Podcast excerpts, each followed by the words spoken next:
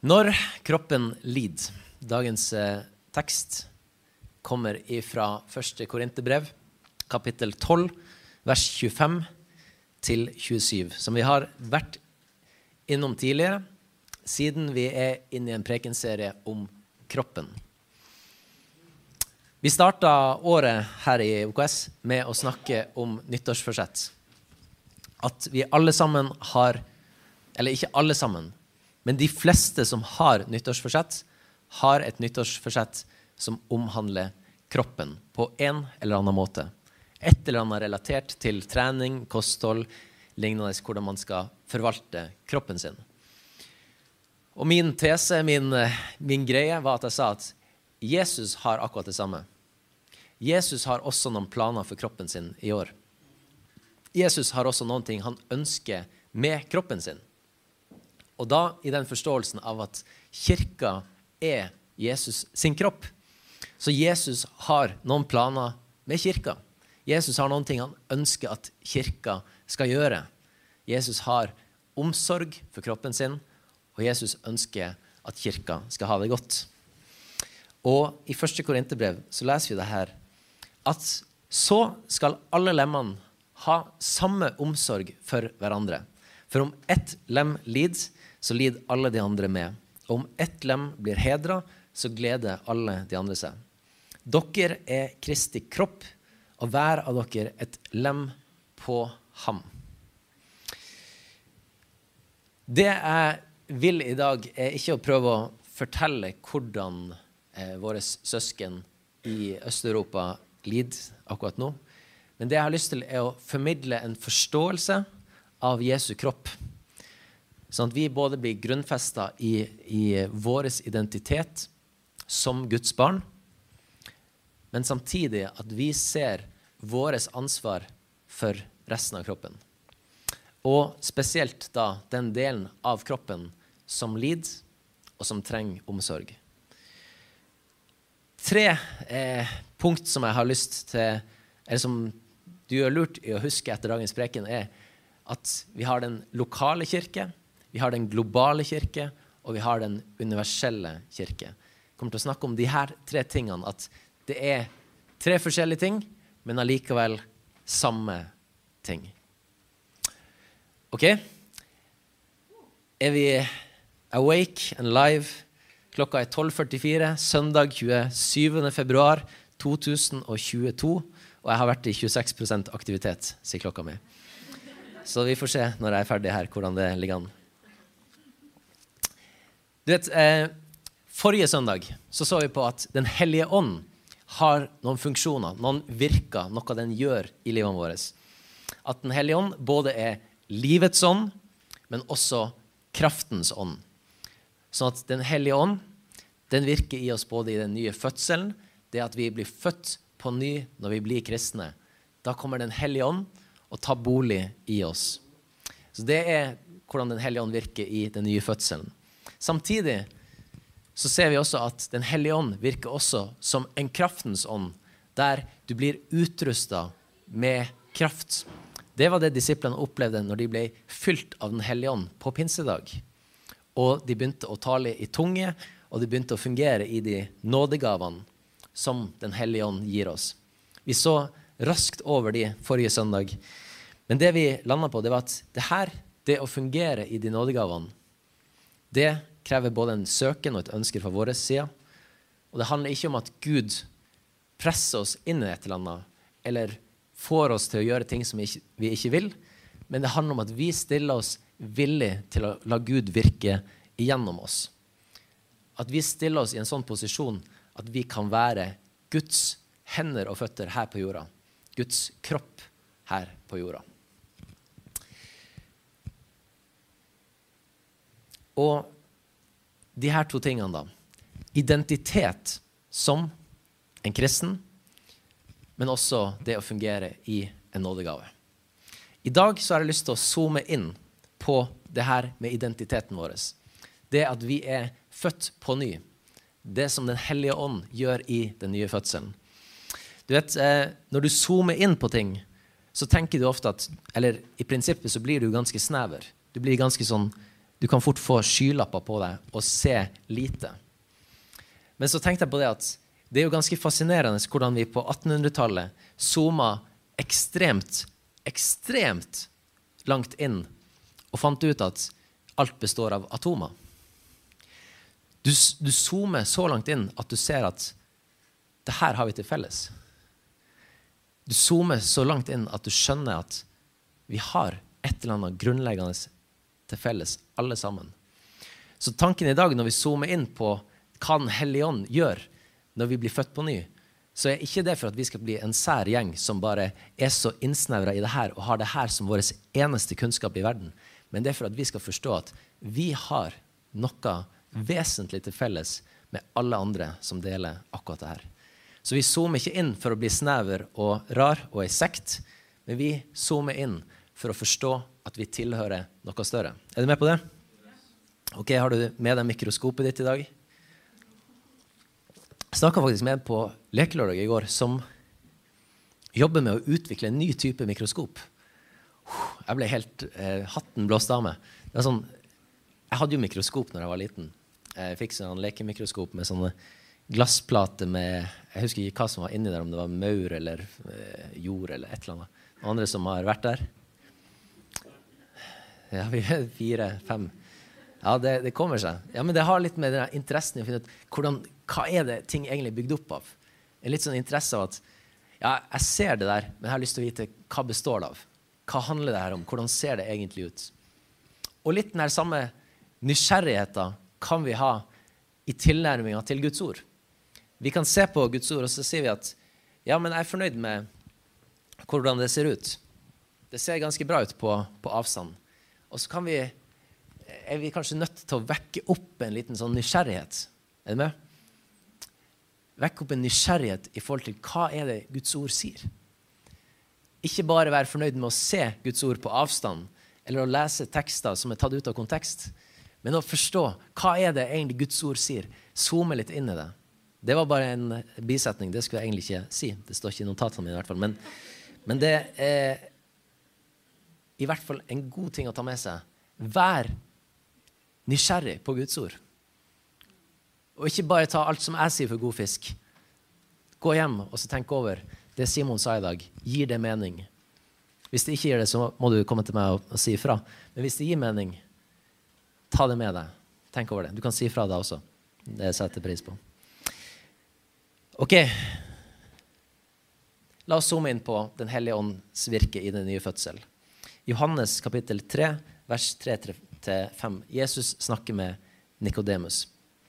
Jesus svarte, 'Sannelig, sannelig, jeg sier deg, den som ikke blir født på ny, kan ikke se Guds rike.' 'Hvordan kan en som er gammel, bli født?' sa Nikodemus. 'Kan noen komme inn i mors liv igjen og bli født for andre gang?' Jesus svarte, 'Sannelig, sannelig, jeg sier deg, den som ikke blir født av vann og ånd, kan ikke komme inn i Guds rike.' Det som Jesus legger fram her, er at det kommer en ny fødsel. Du er nødt til å bli født på ny for å komme inn i Guds rike. Nikodemus hang seg opp i det, eh, si, den, den verdslige, eh, rent fysiologiske tankegangen rundt det å bli født. Men Jesus snakka om en fødsel av, som han sier det, av vann og ånd. Og den fødselen, det er det som skjer når vi tar imot Jesus som vår Herre og Frelser. Da blir vi født på ny ved Den hellige ånd. Og hvordan skjer det her? Hvis du har opplevd det, så har du kanskje fått med deg at kroppen din blir ikke ny. Det er ikke sånn at du plutselig blir født ut av mora di på nytt. Det skjer heldigvis ikke. Kroppen din er den samme som du hadde dagen før du tok imot Jesus som herre. Okay? Det samme er sinnet ditt. Paulus snakker eh, mye til de, de kristne menighetene om at ja, du er født på ny, men du er nødt til å fornye sinnet ditt. Tankene dine. Du er nødt til å spise av Guds ord. Få med, Finn ut hva det er som har skjedd. Sett deg inn i din nye identitet. Men det som har blitt født på ny, det er ånden inni oss. Guds ånd har tatt bolig i oss. Det gjør at vi kan si at når Gud tar bolig, så bor han inni her. Og da kan du si at det er Guds kropp. Ok? Grunnen til at jeg kan si at dette er Simons kropp, det er fordi han Simon Nå snakker jeg om meg sjøl i tredje person. Har meg unnskyldt. Simon bor i denne kroppen. ok? Derfor er det Simons kropp. Gud har tatt bolig i denne kroppen også. Derfor kan vi si at dette er også Guds kropp. Jesu kropp. Når vi alle sammen er her, og hver og en av oss har tatt imot Gud, Guds eh, frelse ved Jesus, så betyr det at vi sammen også utgjør én kropp. Vi er forskjellige lemmer, har forskjellige funksjoner, forskjellige talenter og gaver, men sammen så er vi Guds kropp fordi Gud har tatt bolig i oss. Det er det som skjer i den nye fødselen.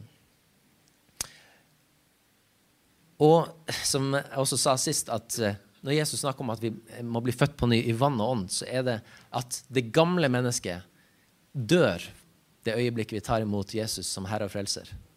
Det betyr at vi går rundt og bærer på et dødt liv inni her.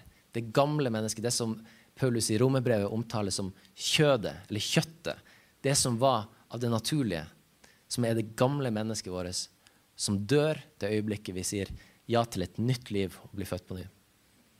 Så har vi dåpen, der vi begraver det gamle mennesket og blir kvitt det, vasker det bort. Begravelser finner ofte sted etter en død. Det er sjeldent døden inntreffer etter begravelsen.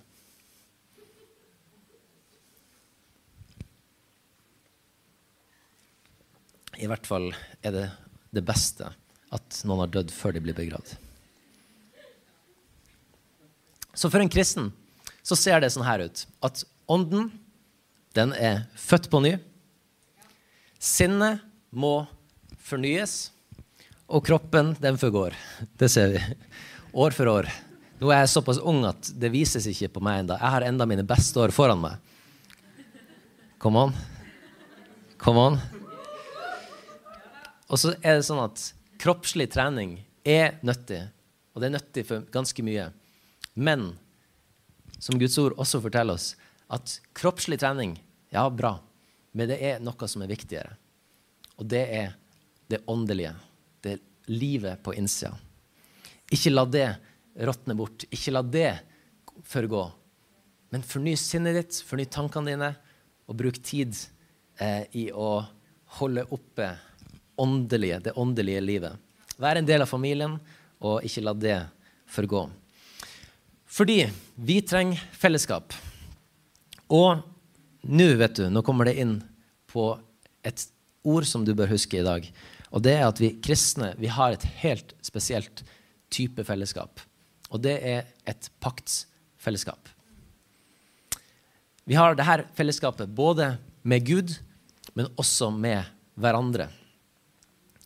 Og eh, jeg hadde lyst til å, snakke om det her fordi det, nå er det jo veldig veldig mye skriverier og nyheter om et paktsfellesskap i Europa og Nord-Atlanteren, som er Nato. Og Nato er et paktsfellesskap. Visste du det? Nå vet du det. Det er et fellesskap som ble oppretta fordi man så at vi trenger å stå sterkere sammen. Vi klarer ikke å stå imot elendighet, krig, synd alene. Vi er nødt til å ha et fellesskap. Dette fellesskapet i Nato det er et fellesskap som Ukraina ikke er en del av. Og Derfor ser situasjonen ut sånn som den gjør per i dag. Men dette paktspråket i, i artikkel 5 i den traktaten som Nato er bygd på, så står det at bl.a. det at et angrep på én er et angrep på alle. Det er paktspråk. Det er en tanke om at vi er én kropp. Nato fungerer som ett land, kan du si. Et angrep ett sted, et angrep alle steder. Det er paktspråk som er som om det er kopiert ut av Guds ord, fordi Guds ord har et paktspråk fra begynnelse til slutt. Vi har til og med delt inn Guds ord i to pakter. Testamentet, det nye og det gamle testamentet. Testamentet er bare et annet ord for pakt. Det, handler, det er egentlig den gamle og den nye pakt. Og Den nye pakt er den som Jesus oppretta. Ved sitt blod så kjøpte han oss fri og oppretta en ny avtale med Gud. Vet du, Grunnen til at du er rettferdig framfor Gud, grunnen til at du kan stå her med frimodighet i dag, løfte stemmen din, be til Gud, komme framfor hans trone og be han om ting, er fordi Jesus har bana vei for deg. Jesus har oppretta en pakt på våre vegne. Og den Altså, vi, vi, er Av og til kan vi være utrolig ignorant. Vi tenker at vi er, vi er så gode sjøl. Vi, vi, har det så godt, og vi er såpass snille og greie. Men vet du hva? Hadde det ikke vært for den pakten der, som vi har fått være en del av, så ville vi ha vært langt, langt, langt borte fra Gud. Da ville det vært opp til oss sjøl. Og mange av disse tingene det, Du kan se likhetstrekkene i det som skjer i verden i dag, i konfliktene som pågår, og i de fellesskapene og paktsfellesskapene som fins. Nå er ikke de nødvendigvis 100% at du kan eh, forstå ting eh, i forhold til det åndelige med Gud, men de gir allikevel en veldig visuelt, en veldig eh, håndgripelig forståelse av vår relasjon til Gud. For Gud sin måte å forholde seg til oss, det er gjennom pakt. En pakt det er en bindende avtale. Den kan du ikke bare bryte. Eh, og det er ikke et ord som er mye brukt eh, i dagligtalen vår. Men det er fordi eh, vi er ikke så glad i høytidelige ting. Vi er ikke glad i ting som binder oss. Vi er litt mer sånn Ja, vi kan ha en, en kaffeavtale men eh, det er ikke så nøye om vi kommer. Vi kommer litt for seint uansett. Avtalene våre er så svake. Altså, jeg, jeg, er glad Bibelen ikke ble skrevet i, i, eh, på det 21. århundret. Det har vært sånn Ja, vi får se. Ja, vi har en pakt. Kanskje. Paktish.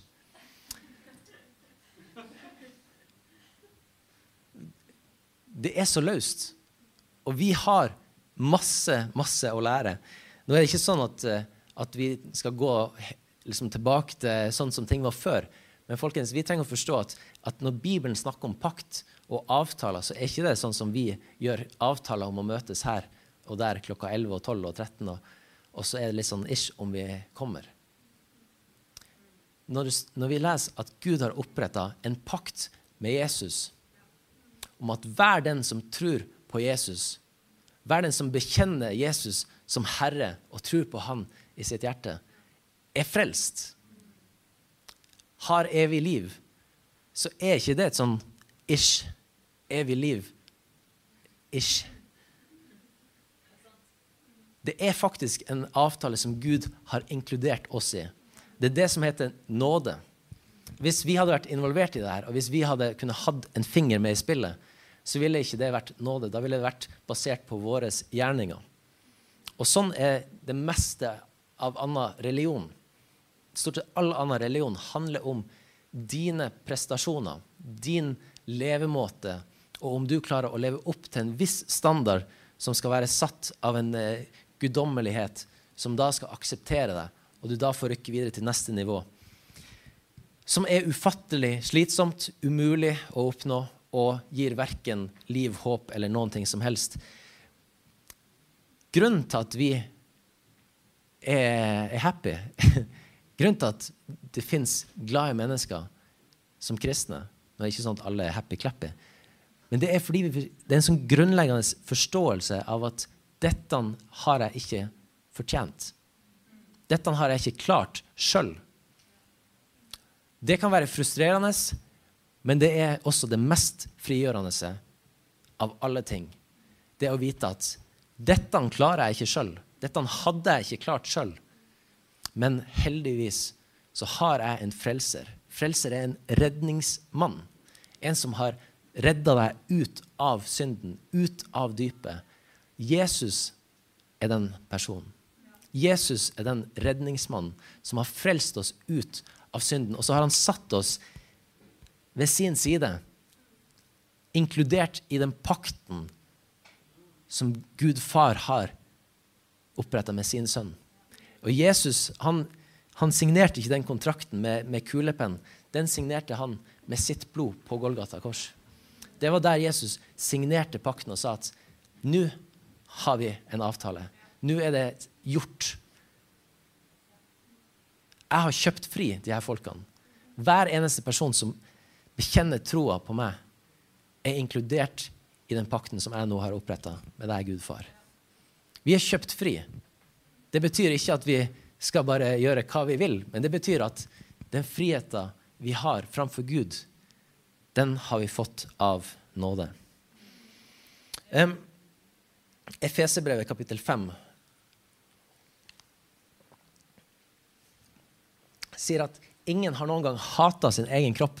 Nei, man gir kroppen næring og pleier den på samme måte som Kristus gjør med kirka, for vi er lemmer på hans kropp. Vi er lemmer på Jesu kropp. Og igjen, vi skal bare ta og lese 1. Korinterne 12 igjen. Alle lemmene skal ha omsorg for hverandre, for om ett lem lider, så lider alle de andre med. Om ett lem blir hedra, så gleder alle de andre seg. Og dere er Kristi kropp. Vi er Kristi kropp, og hver av oss et lem på ham. Så her lærer Guds ord oss at vi har en plass i Jesu kropp. Hver og en av oss har en plass i Jesu kropp. Og da er det sånn at det er ikke bare, det er ikke bare et gullkort inn til loungen der du kan sitte og nyte alt. Dette er også din mulighet til å tjene andre. Du vet, Det kan være perioder i livet der du trenger å sitte ned og motta omsorg, der du trenger å sitte ned og motta og motta og få fra de som er rundt deg. Og det er det, er det eh, vi leser her i, i 1. Korinterne, at de som trenger den omsorgen hvis, hvis, du skader kroppen din, hvis du brekker fingeren din, så trenger fingeren din omsorg. Greit nok at du har tid tær også, men de har det godt. Fingeren din trenger hjelp. Og det, vi, helt logisk så går vi da til fingerlegen. Vi går ikke til tålegen. Og så er det sånn Ja, jeg brakk fingeren, men må huske på at jeg har ti tær også. Det er bra å ha ti tær. Har du ni eller elleve, så er det helt fint, det også. Men fingeren din har vondt, og fingeren din trenger hjelp. Så da går vi til fingerlegen. Er ikke det merkelig hvordan i det åndelige så har vi av og til så mister vi så fullstendig? Vi kan ha så utrolig sterke og tydelige behov for hjelp på et område, og så går vi til Nei, vi, nei, vi går nå hit bort. For det, var, det er det jeg brukte å gjøre. Du, har, du kan ha behov for en samtale om noe helt konkret i ditt liv som du syns er ufattelig tungt. Og så allikevel så ender man opp på et sted der man bare snakker helt generelt om tro og liv og andre ting, uten å faktisk erkjenne at fingeren min er brekt. Det kan også gjelde kan også gjelde ting som ikke er fysisk, men altså åndelige spørsmål eller ting, men også relatert til eh, mentale ting. Eh, tanker, prosesser man går i. La oss være sånne som faktisk tør å gå til den legen vi har behov for. La oss ta den samtalen vi har behov for. La oss ta den tida vi trenger til å la de sårene vi har, få leges. Du vet, når du, når du, har et åpent sår, så er det ikke lurt å hoppe rundt og, og, få masse infeksjoner i det. Det kan være en tid man trenger å la det såret få gro.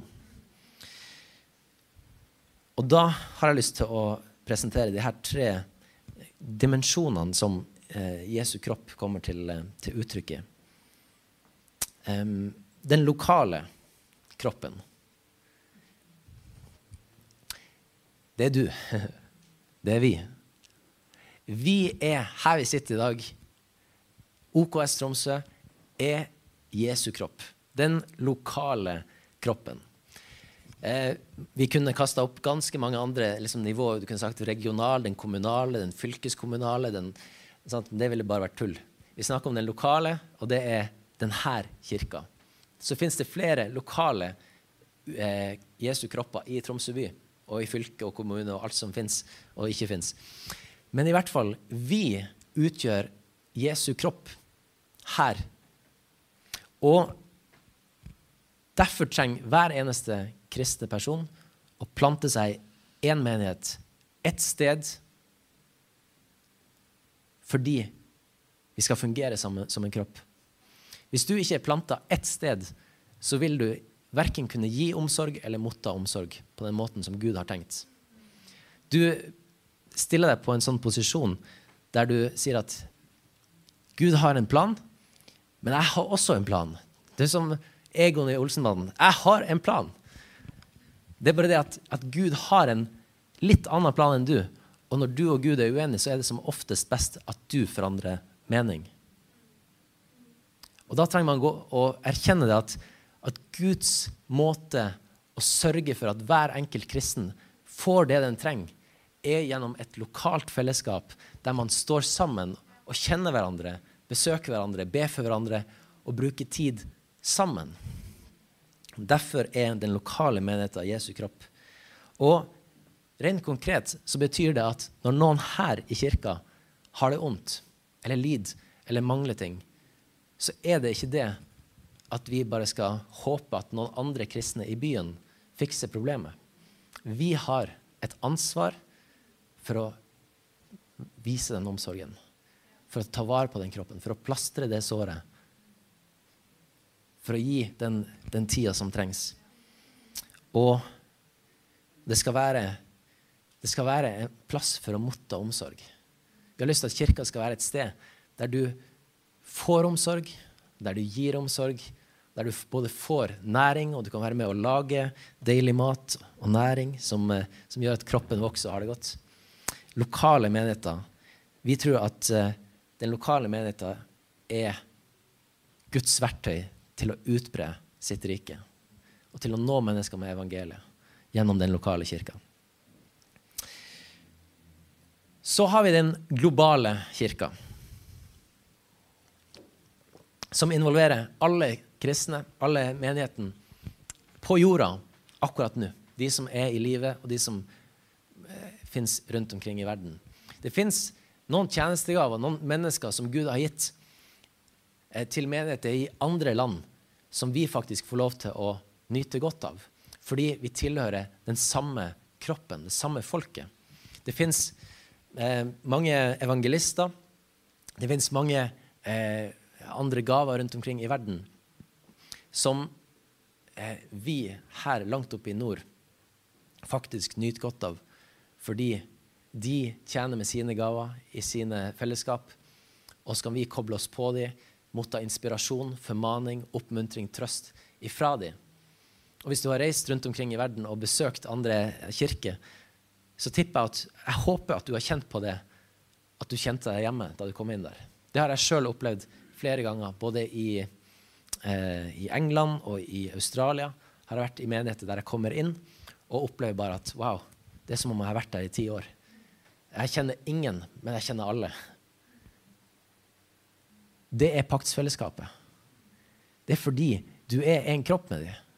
Det er som om fingeren din er på besøk på tåa. Bare Wow, jeg har aldri sett deg før. Men jeg kjenner deg. Det er det samme blodet som pumper i oss. Vi er på helt forskjellige kanter av, av, kroppen. Men vet du hva? Vi hører sammen. Og jeg kan ikke si at jeg ikke trenger deg. Det er det vi opplever når vi reiser rundt. Og samme opplevelsen har vi når folk kommer hit fra andre, andre, andre land og andre steder. At de kjenner at wow, jeg har aldri sett deg før, men det er det samme blodet. Det er samme kroppen som pumper. Samme kroppen som pumper må begynne å pumpe.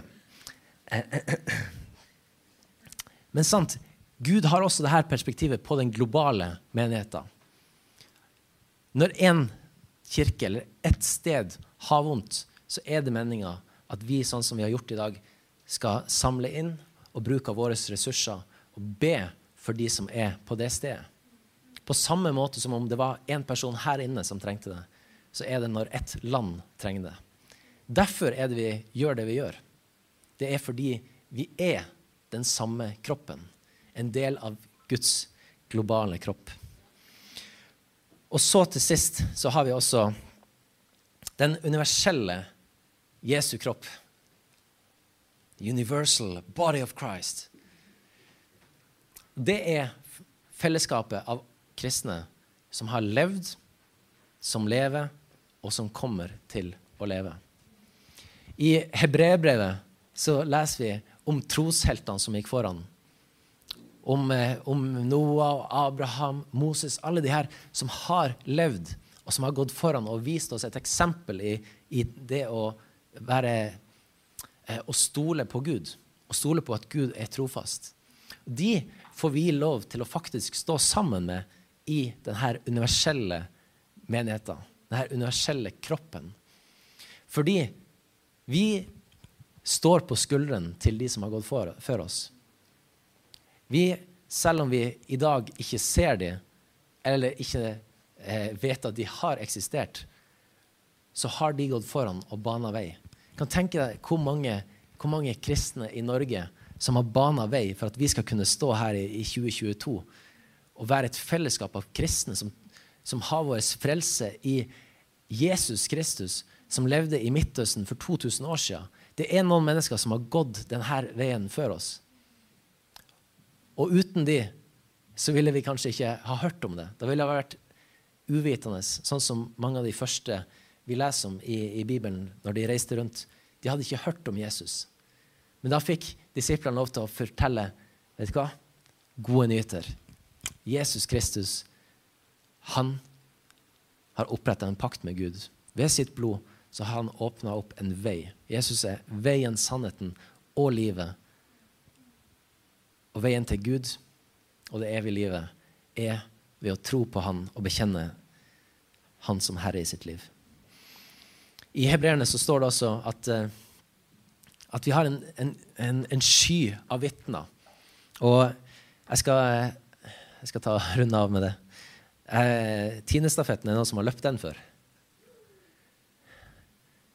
Gikk det bra? Du vant, du? Nei. Jeg husker jeg sprang som en gal, men det, det var en del andre gode der. Det som var fascinerende eh, på Tinnestafetten her i Tromsø, i hvert fall sånn som det var på min tid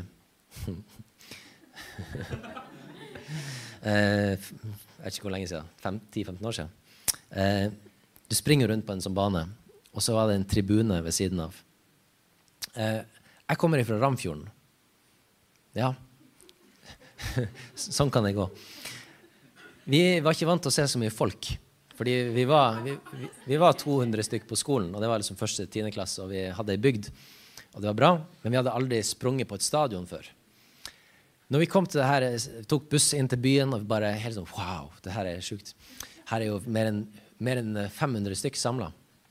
Eh, og vi gjorde oss klar for at vi skulle løpe på denne banen. Eh, så hadde jo eh, De som ikke skulle være med og springe i klassen, de hadde jo klept opp sånne eh, plastposer og liksom sto og teipa de sammen og laga sånn pom-bomboms. Pom-poms. Dusk.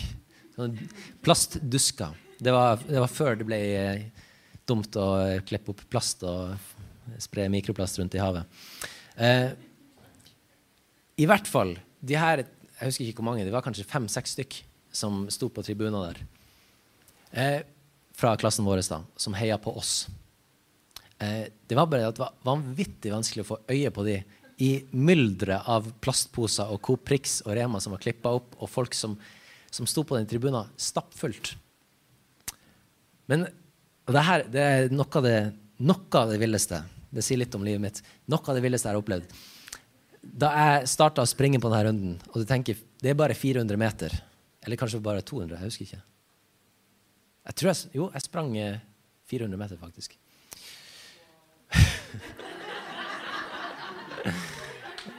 det var Det var hardt. Jeg har sprunget halvmaraton også. To ganger. 400 meter, og det jeg skulle springe. Komme rundt der. Opp på oppløpssida der har du tribuner på sida. Og eh, det er litt hardt, fordi det, finnes, det, var noen andre der som også var ganske flinke å springe og sprang fortere enn meg. Og det var litt flaut. Det var, det var, det var en del som sprang litt fortere enn meg, faktisk. Jeg, hadde, jeg, var fra Ramfjorden. Jeg hadde aldri opplevd at noen sprang fortere enn meg. Det var Jeg og en kompis vi var liksom de raskeste. Vi hadde aldri sett mennesker som sprang raskere enn oss. Men i hvert fall så var det en reality check der, da. På tribunen, mens jeg springer på oppløpssida der, så er det sånn at du, du springer, og så ser du litt sånn opp mens du prøver å holde kursen rett. Eh, for du har så lyst til å, å, se de som heier på deg. Det står så ufattelig mange plastposer og folk der, men, men ingen av de heier jo på deg, bortsett fra en fire-fem stykk. Og, og du, du, har så lyst til å få å høre de og få øye på de, for du vet at ja, men det, jeg springer for de. Liksom, de. De ser meg. De heier på meg akkurat nå. Og jeg husker fortsatt, veldig vagt, men jeg husker det Det øyeblikket liksom, du ser opp på, på, klassen din som står der og bare Woho! Simon Ramfjord! Ja, før stemmeskiftet. Og, og, bare den følelsen av at du blir sett. En, de, de, har eh, De står der som de står. Er ikke med i, i løpet som pågår. Men de ser deg, de heier på deg. Og, og det gjør noe med deg som løper. Jeg, jeg, kom ikke først, men jeg kom nå i mål, i hvert fall. Men akkurat det samme leser vi om i Hebrevbrevet. Hvordan de som har gått før oss, de heier på oss. Det er som en sky av vitner. Det er ikke sånn at de står på tribunen med plastposer, Moses og Noah der. Som, Men de har gått før oss. Og helt seriøst, de kommer vi til å få møte i himmelen. Vi, være, vi, er en del av den universelle Jesu kropp. De er en del av de som har gått før oss. De er et lem på Jesu universelle kropp. Vi er et annet lem. Men vet du hva? De som har gått før oss, de som har løpt før oss, de ser oss. De er med i det her. Og la oss ikke bli eh, så så trangsynt eller så ha skylappene på, sånn at vi kun ser det som vi holder på med. Men la oss se også på det som har skjedd før. La oss, la oss eh, kjenne historier. La oss kjenne historier til de som har gått før oss. Både de som er skrevet om i Bibelen, men også de som har gått før oss de, de tidligere årene her. La oss kjenne de som har gått før oss, og la det oppmuntre oss. La det hjelpe oss til å holde fokus på det løpet som vi er kalt til å løpe. Paulus snakker om at vi løper fordi vi, vi, vi ser framover. Vi har blikket festa på Jesus, han som er troens opphavsmann og fullender. Og i dette lyset av at vi er én kropp, så kan du vite at du kommer til å komme til mål der. Hold fokuset ditt på Jesus, og la, la de her eh, heiagjengen la de heie deg fram. Når jeg, når jeg leser om de som har gått for, så er det på samme måte som den heiagjengen sto der med plastposene og vinka. Sånn er det når vi leser Guds ord. Da ser vi at noen har gått før. Noen har brøyta en vei. Noen har åpna dører som vi kan få lov til å, å, gå gjennom. Så la oss være takknemlige for det. Og la oss være sånne som fortsetter på samme sporet. La oss være sånne som, som heier fram andre. La oss være sånne som har omsorg for hverandre. Og nå er det kanskje vanskelig for oss å ha omsorg for de som ikke lever lenger, eller de som ikke er født enda. Men vi kan gjøre det som vi har sjanse til her på jorda. Å være Jesu kropp lokalt, globalt, men også med fokuset festa på Jesus, sånn at til alle tider kommer det til å være et Guds folk som står støtt, som holder fast på ordet, og som er rede til å gi raust både humanitært, men først og fremst fordi folk trenger Jesus. Lovsangstimen kan bare komme opp, så skal vi ta og, og runde av her i dag.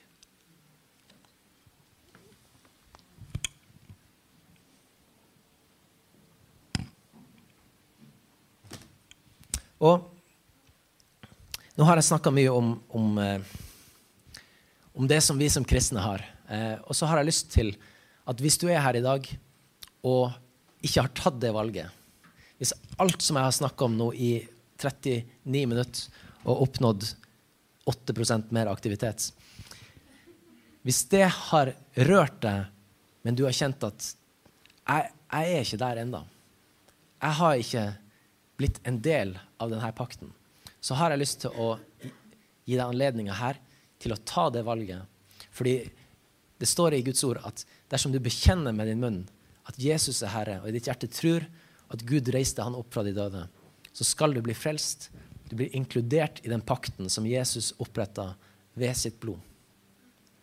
Så det jeg har lyst til å gjøre, er at, at, hvis det er deg, hvis du ønsker å si ja til Jesus, og det er noe som du gjør i hjertet ditt, men jeg har bare lyst til å eh, gi deg anledning til å respondere på det med å løfte hånda di her, eh, så kan du gjøre det akkurat her og nå. Som en del av familien som er samla her, så har vi lyst til å inkludere deg. Vi har lyst til å være med og be for deg, og også gi deg det som du trenger videre av, av omsorg og oppfølging. Så hvis det er deg her og nå, så bare vær frimodig og løft hånda di akkurat her og nå. Jeg skal ikke ta deg fram, men jeg har lyst til å, å be for deg. Og eh, det er helt OK om, om, du ikke gjør det akkurat her og nå. Men uh, huk gjerne tak i meg etterpå da, og si at uh, Simon, det som du snakka om, det har jeg lyst på. Yes. La oss reise oss opp, og så tar vi og takker Gud sammen.